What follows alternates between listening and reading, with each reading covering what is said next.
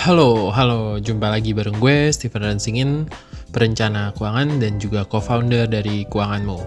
Hai, apa kabar friends, listener podcast Keuanganmu? Sehat semua? Kita berasa di Javu ya, balik lagi kayak awal bulan April tahun 2020, harus full WFA, social distancing, uh, bisa dibilang lockdown, tapi pemerintah bilang PPKM, karena angka penderita COVID-19 yang kembali nggak terkendali dan banyak yang merasakan kesulitan secara ekonomi juga kembali. Anyway, gue mau bedah buku Rich Game dengan subjudul Cara Kaya dengan Investasi. Gue tahu ini bukan kondisi yang baik untuk membicarakan investasi atau cara kaya bagi sebagian besar masyarakat di Indonesia.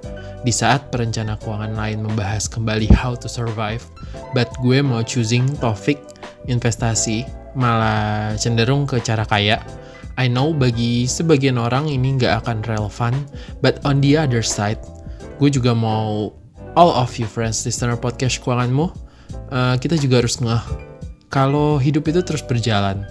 Plan harus terus direvisi atau dijalankan. Tetap harus kita lakukan dan yang paling penting, tujuan gue share isi buku ini untuk ngebuat kita semua tetap semangat, tetap belajar, tetap termotivasi, sehingga setelah ini mulai mereda, lalu hilang, kita bisa langsung berlari.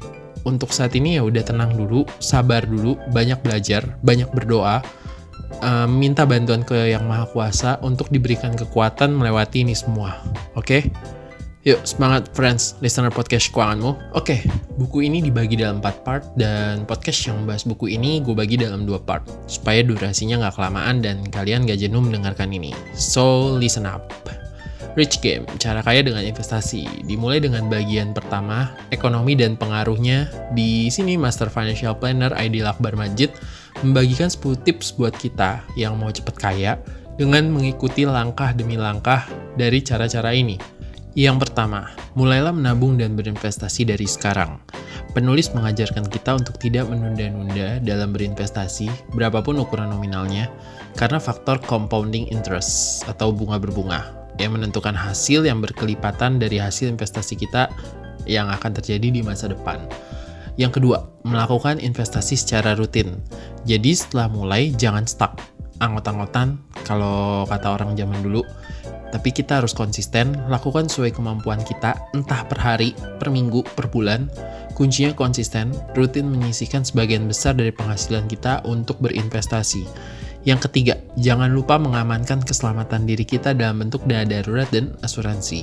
Yang keempat, perhatikan juga pembayaran pajak secara benar dan teratur.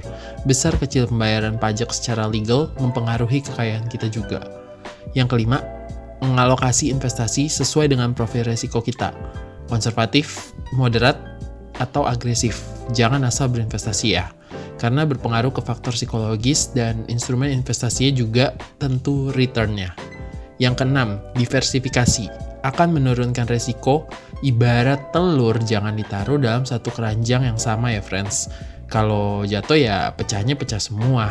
Terus kita nggak punya telur lagi. Ibarat investasi uang, kita taruh dalam satu instrumen yang sama itu aja, maka kalau rugi, ya ruginya bareng-bareng.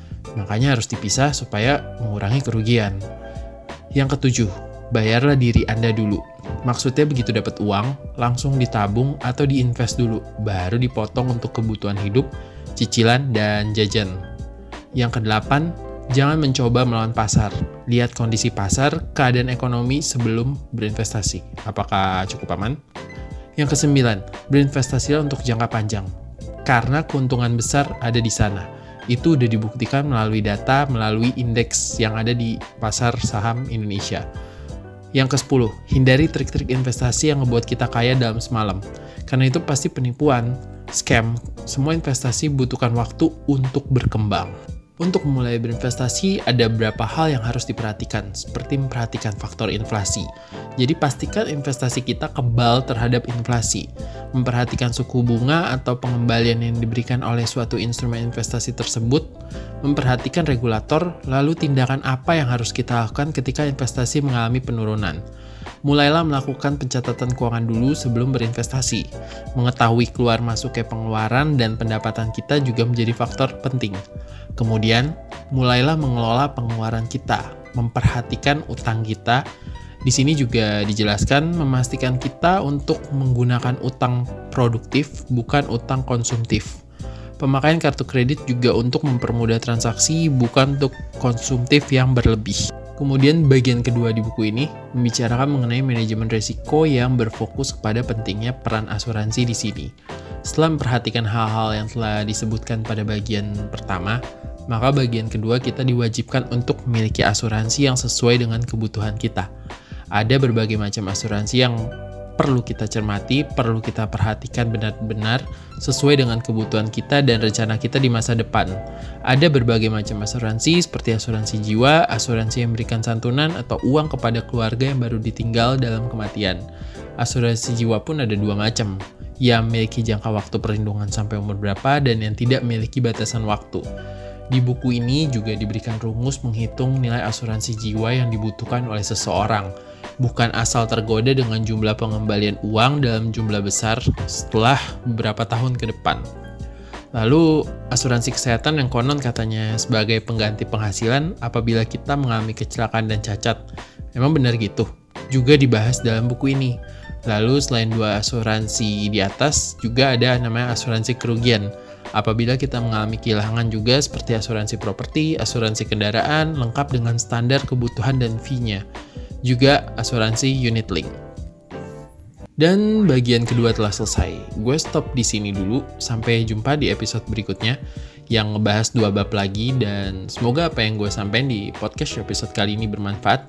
Dan seperti biasa, ditunggu pertanyaan-pertanyaan kalian yang perlu kita bantu selesaikan. Feel free alias bebas nanya. Jangan lupa follow Instagram keuanganmu di @keuanganmuofficial. Di sana kita sharing topik-topik seputar keuangan pribadi dan keluarga. Dan dengerin terus episode terbaru dari Podcast Keuanganmu setiap hari Senin jam 8 malam di Spotify, Apple Podcast, Google Podcast, dan platform digital lainnya. Akhir kata, semoga bermanfaat dan sampai jumpa di episode berikutnya. See ya!